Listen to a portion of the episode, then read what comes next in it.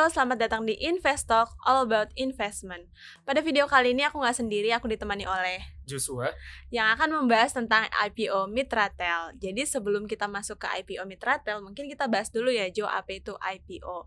Jadi IPO itu adalah uh, pencatatan perdana sebuah saham di bursa sebelum dia diperdagangkan gitu. Jadi Konvisto sebelum bisa jual beli sebuah saham di aplikasi investasiku nih, saham itu harus melalui proses IPO dulu.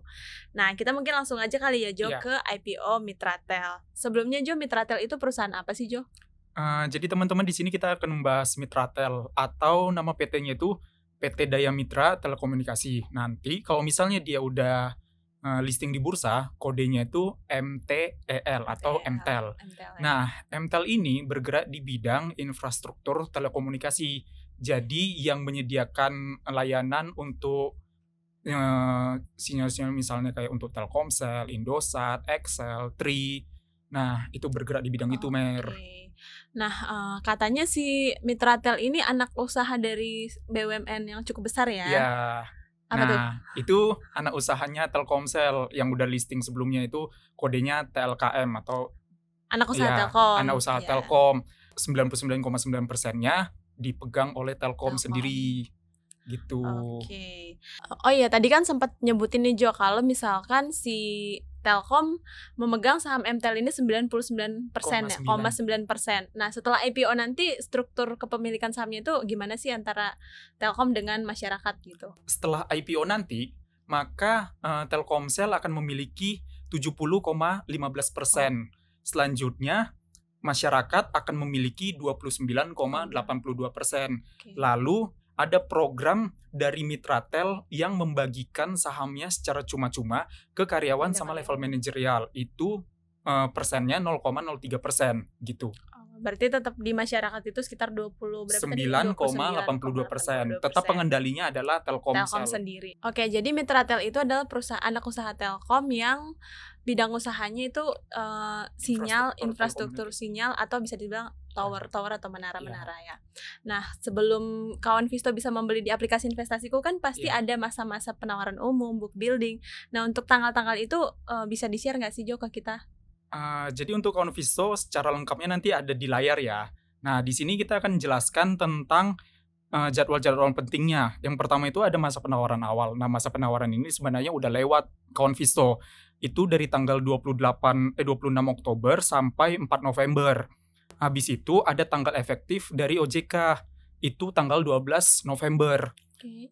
Nanti kalau misalnya sesuai dengan yang di OJK nanti, maka penawaran umumnya akan dimulai dari 16 sampai, sampai 18 18 November. Di tanggal 16 sampai 18 November inilah kawan mhm. Visto mm -hmm. bisa memasukkan pesanan kawan Visto dengan harga 800 rupiah per lembarnya. per lembarnya. Selanjutnya nanti setelah kawan Visto udah memasukkan pesanan, maka akan dilakukan penjatahan oleh underwriternya pada tanggal 18. 18. Lalu kalau misalnya kawan Visto-nya dapat, dapat berarti nanti di uh, portofolio kawan Visto-nya itu masuk pada tanggal 19 dan listingnya di bursa pada tanggal 22 November 2021.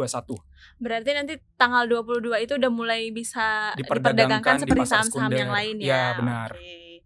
Terus selanjutnya nih Jo untuk harga oh ya tadi Jo sudah sempat singgung ya, ya harga 800, 800 rupiah per lembar saham. Ya. Nah, dana dari yang dikumpulkan ini nanti buat apa sih Jo kira-kira dipakainya? Nah, sebelum dan peruntukan dana, okay. kita akan bahas dulu ya berapa sih dana yang akan terkumpul dari IPO ini. Mm. Kan kemarin itu penetapannya itu di harga 800 per lembarnya. Nah, Mitratel ini sendiri mengeluarkan saham atau menawarkan saham ke publiknya itu sebanyak 25,54 miliar lembar sehingga dana perolehannya itu sekitar 20,43 triliun. Dari 20,43 triliun ini 100 persennya itu digunakan untuk modal usaha. Oke, pengembangan nah, berarti ya? Iya benar. Yang 100 persennya jika di down 46 persennya itu untuk pengembangan untuk ekspansi organik. Ekspansi organik itu seperti nanti dia mau penambahan menara. Okay. Nah, Telkomsel ini udah mengatakan kalau Mitratel ini ambisinya itu harus menjadi perusahaan infrastruktur terbaik atau hmm. market leadernya ada di di bursa. Sektor. Oh, Nah, ya. jadinya nanti dana yang 44% ini salah satunya akan digunakan untuk membeli 6.000 menara yang dimiliki oleh Telkom. Jadi Hmm. pada akhirnya 6.000 menara yang awalnya itu dimiliki oleh Telkom, selanjutnya dimiliki Jadi, oleh Intel. Tel. Nah, selanjutnya itu 5 55% akan digunakan untuk ekspansi anorganik seperti akuisisi menara-menara kompetitor. Nah, sisanya untuk kegiatan modal usaha lain gitu. Oke, berarti dengan kata lain eh, kalau hasil IPO-nya dipakai untuk pengembangan usaha berarti ini bagus ya Ya. harusnya ke depannya prospeknya Eh, potensi gitu. untuk memper, eh, untuk meningkatkan Oke, pendapatan. Nah, kalau dari sisi fundamental nih Jo, um, Mitratel ini gimana sih? Apakah bisa dikatakan baik atau Hmm. bagaimana? Jadi untuk Mitratel sendiri ini kita bahas dari eh, lima variabel ya. Yang pertama itu dari Hmm. aset, liabilitas, ekuitas, pendapatan sama labanya. Nah, dari tahun 2018 sampai 2020 itu baik aset hingga labanya itu mengalami kenaikan. Kenaikan Dengan perincian nih ya, asetnya itu mengalami kenaikan 93%. cukup besar berarti Iya, ya ya. Oke. Lalu liabilitasnya naik 71%, ekuitasnya naik 191%. Wow. Lalu pendapatan naik 37% dan labanya naik 34%. Ini hanya waktu dalam 2 tahun. Dua tahun. Jika kita ngelihat dari data semester 1 2020 dibandingkan dengan semester 1 2021 Mhm. yang baru keluar banget, maka pendapatan si Mitratel ini mengalami kenaikan 10,3% menjadi 3,2 triliun rupiah di Oke. semester 1 Semester 2021. Lah habis itu yang labanya mengalami kenaikan 366,7 persen. Gede banget berarti Iya, ya. Oke. dari 150 miliar di semester 1 2020 menjadi 700 miliar di semester 1 2021. Besar sekali Iya, bukan? ah. Benar-benar dan berarti ini maksudnya sebelum IPO aja udah perusahaannya udah Iya. lumayan oke ya, nih Iya, ya, dari sangat- sisi fundamental. Sangat untung gitu. Oke, Tadi kan Joshua udah bahas nih fundamental dari segi ekuitas dan lain sebagainya. Tapi eh, sebelum Mitratel ini IPO di bursa udah ada dong pasti Iya. saham-saham dengan eh, bidang usaha sejenis seperti Benar. tebik, Iya. tower gitu. Gimana sih perbandingan perbandingannya dia dengan saham-saham sejenisnya gitu? Nah, jadi kalau misalnya yang di bursa efek itu kompetitor si Mitratel ini yang udah listing itu ada Tower, Tebik dan Hmm. Bali. Oh, Cuman iya, di sini kita nggak akan membahas Bali ya, kita Oke. hanya fokus ke bagian Tower dan Dan Tebik. tebik. Nah, nanti di sini di layar akan ditampilkan eh, variabel eh, komparasi antar Mitratel, Tower dan Tebik. Kalau misalnya di sini kita akan membahas tentang yang return on equity-nya. Return on equity-nya Mitratel itu sebesar 10%. Nah, yang paling tinggi itu Tower 31,9%. Untuk mengetahui apakah harga di 800 itu mahal atau murah berdasarkan kinerjanya, maka kita itu bisa melihat dari eh, perbandingan antara harga yang ada di market dengan harga buku yang tercatat. Nah, kalau misalnya dengan harga 800, maka PBV-nya itu sebanyak lima kali. Ngedeskripsinya adalah kawan Visto ngebeli lima kali dari harga. dari eh, lebih lima kali lebih mahal daripada harga si eh, bukunya. Heeh. Untuk kompetitor seperti Tower itu di 5,76 kali dan di Tebik 7,22 kali. Secara PBV dia itu kategorinya murah. Ayo kita lihat dari segi pernya atau harga dibandingkan dengan IPS earningnya. Nah, kalau misalnya di Mitratel itu dia sebanyak 50 kali. Kalau misalnya di Tower 18 kali dan di Tebik 47 kali. Memang secara angka pernya Mitratel itu yang paling premium Besar, dibanding dua kompetitornya. Cuman karena ini emang backupannya Telkomsel, jadi ya ya bolehlah dipertimbangkan. Tadi kan Joshua udah ngejelasin nih valuasinya nih. Kalau dari sisi menaranya nih, dia lebih banyak punya siapa sih? MTEL, Tower atau Tebik gitu. Nah, fun fact ini ya tentang Mitratel. Kalau misalnya dari menaranya yang Hah? paling banyak itu menara Mitratel. Dia memiliki 23.000 menara Hmm. per semester 1 2021. Sedangkan kompetitornya seperti Tower itu hanya memiliki 21.000 dan Tebik hanya memiliki 16.000. Cuman yang perlu dicatat oleh teman-teman sekalian adalah jadi kalau misalnya dari eh, dari sektor menara ini, Mm, jadi kan ada tiga sumber pendapatannya. Pertama itu dari harga sewa, Oke. terus yang kedua dari berapa banyaknya yang nyewa, terus yang ketiga dari jumlah menara. Kalau misalnya dari harga sewa, itu sebenarnya memang saling berkompetisi. Cuman pasti adalah eh, range harganya yang nggak membuat mereka itu saling jomplang. Hmm. Nah, yang paling membedakan antar satu emiten dengan emiten yang lainnya itu adalah dari jumlah menara dan dari berapa banyak yang nyewa. Kalau yang dari menara emang Mitratel unggul karena yang paling banyak Banyaknya. se-Indonesia. Oke. Cuman dari yang segi perbandingan antara jumlah menara dengan yang menyewa, Menyewa. sangat disayangkan Mitratel ini cukup tertinggal Mm. dengan rekannya. Kalau misalnya si Mitratel itu cuman 1,57, sementara kompetitornya itu udah berada di level 1,8, 1,9 begitu. Tapi itu tetap tidak menutup kemungkinan, Kemungkinan bahwa ke depan kalau Ah. misalnya dia bisa mengungguli karena balik lagi Telkomsel sebagai backupannya. gitu. Oke. Berarti sebenarnya walaupun balik lagi tadi Joshua sempat bilang ini lebih premium tapi dengan prospek ke depannya dan Iya. dengan eh, yang udah dilakukan si Mitratel selama Iya. ini dia masih oke lah ya. Iya. Tadi kan kita ngomongin prospeknya si Mitratel sendiri. Iya. Kalau prospek dari bisnis menara ini nih di era digital nih gimana sih? Apakah ada pengaruhnya di era digital? Apakah dia semakin bagus harusnya atau malah gimana?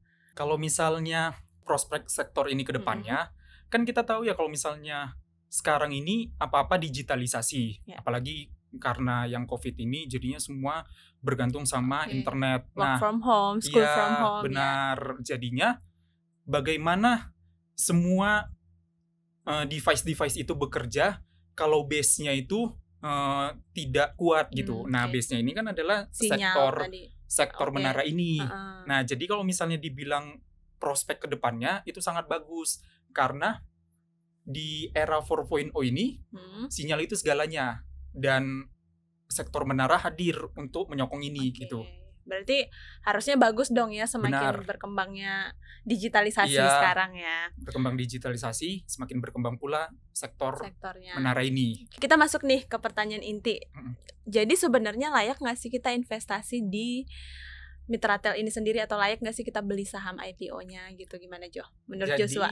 menurut saya pribadi, sebelumnya itu saya juga ada eh, ngasih fun fact-nya ya bahwa di prospektusnya Mitratel akan secara komitmen bag- membagikan dividen sebesar 70% Hmm. dari laba yang diatribusikan pada tahun 2021. Lumayan besar ya itu Lumayan 70%. besar secara secara presentase. Ya, uh-uh. Nanti akan ditampilkan di layar berapa sih kira-kira yang akan diperoleh estimasinya di besaran dividen di tahun 2021. per dua- lembar saham. Iya, di dividen di 2022. Kalau misalnya untuk layak atau tidaknya, kita kembalikan lagi ke kawan Viso sekalian. Cuman di sini saya akan eh, menyimpulkan ya dari segi SWOT, analisis Mm. SWOT-nya. Kalau misalnya yang dari segi strength-nya, strength-nya ini karena tadi kita membahas bahwa Mitratel ini merupakan menara terbesar di Indonesia sama backup-nya itu Telkom, lalu laba sama pendapatannya dari tahun 2018 Meningkat. hingga 2021 ini selalu meningkat bahkan labanya di 2021 sudah melampaui laba full year di 2020 Oh, walaupun 2021 belum masih habis. iya masih berjalan Oke. setengah tahun tapi, Tapi dia udah, meng- udah melampaui laba di satu tahunnya di 2020 yang bisa jadi pertimbangan oleh Konvisto. Satu lagi bahwa sektor telekomunikasi di Indonesia ini diminatin oleh investor asing karena kita berkaca di kompetitornya seperti Tebik dan Tower. Nah, dari SWOT ini selanjutnya dari kelemahannya bahwa si Mitratel ini karena tadi kita berbicara tentang valuasinya yang memang kita harus akuin itu sedikit premium. Hmm. Lalu dia walaupun memiliki menara yang terbanyak, namun perbandingan antara berapa yang nyewa dengan jumlah menaranya, Menaranya. itu eh, harus di diakuin kalah dengan Oke, masih di kompetitornya. Lalu potensi dividennya emang eh, gede. secara presentase. Cuman karena memang jumlah saham yang dibagikan ke masyarakat itu nilainya nominalnya gede, kan dividen itu besarannya itu antara laba dengan jumlah saham, yang beredar. Memang secara laba dia gede, tapi jumlah saham yang beredar pun juga gede. Hmm. Nah, inilah nanti pada akhirnya masuk ke opportunitiesnya.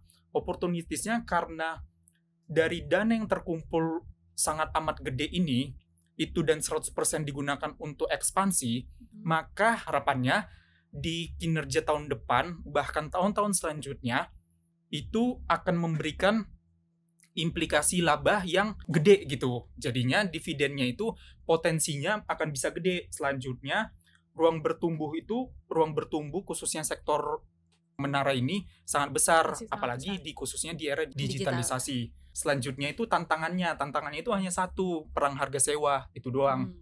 Karena perlu dicatatkan bahwa harga sewa di Indonesia khususnya dari tahun 2017 hingga tahun 2020 itu mengalami penurunan gitu. Oke. Nah, tapi bukan cuma MTEL doang yang merasakan, kompetitor, Kompetitor juga yang merasakan sejenis gitu. juga ya.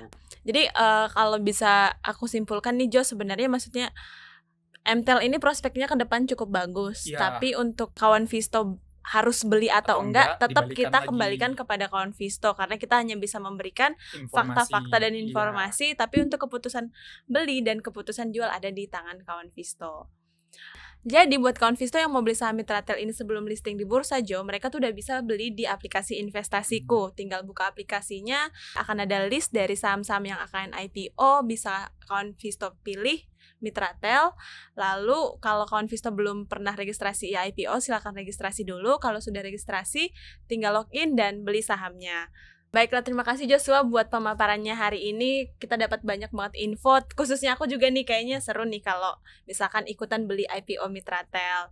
Untuk kawan Visto yang masih punya pertanyaan seputar IPO Mitratel ini, bisa ikutin webinar kita atau stock call di hari Senin tanggal 15 November 2021 pukul 19 waktu Indonesia bagian Barat. Sekian pembahasan hari ini. Jangan lupa saksikan video Investok lainnya hanya di Investasiku for, For Better, Better Tomorrow. tomorrow. Investasiku for better tomorrow.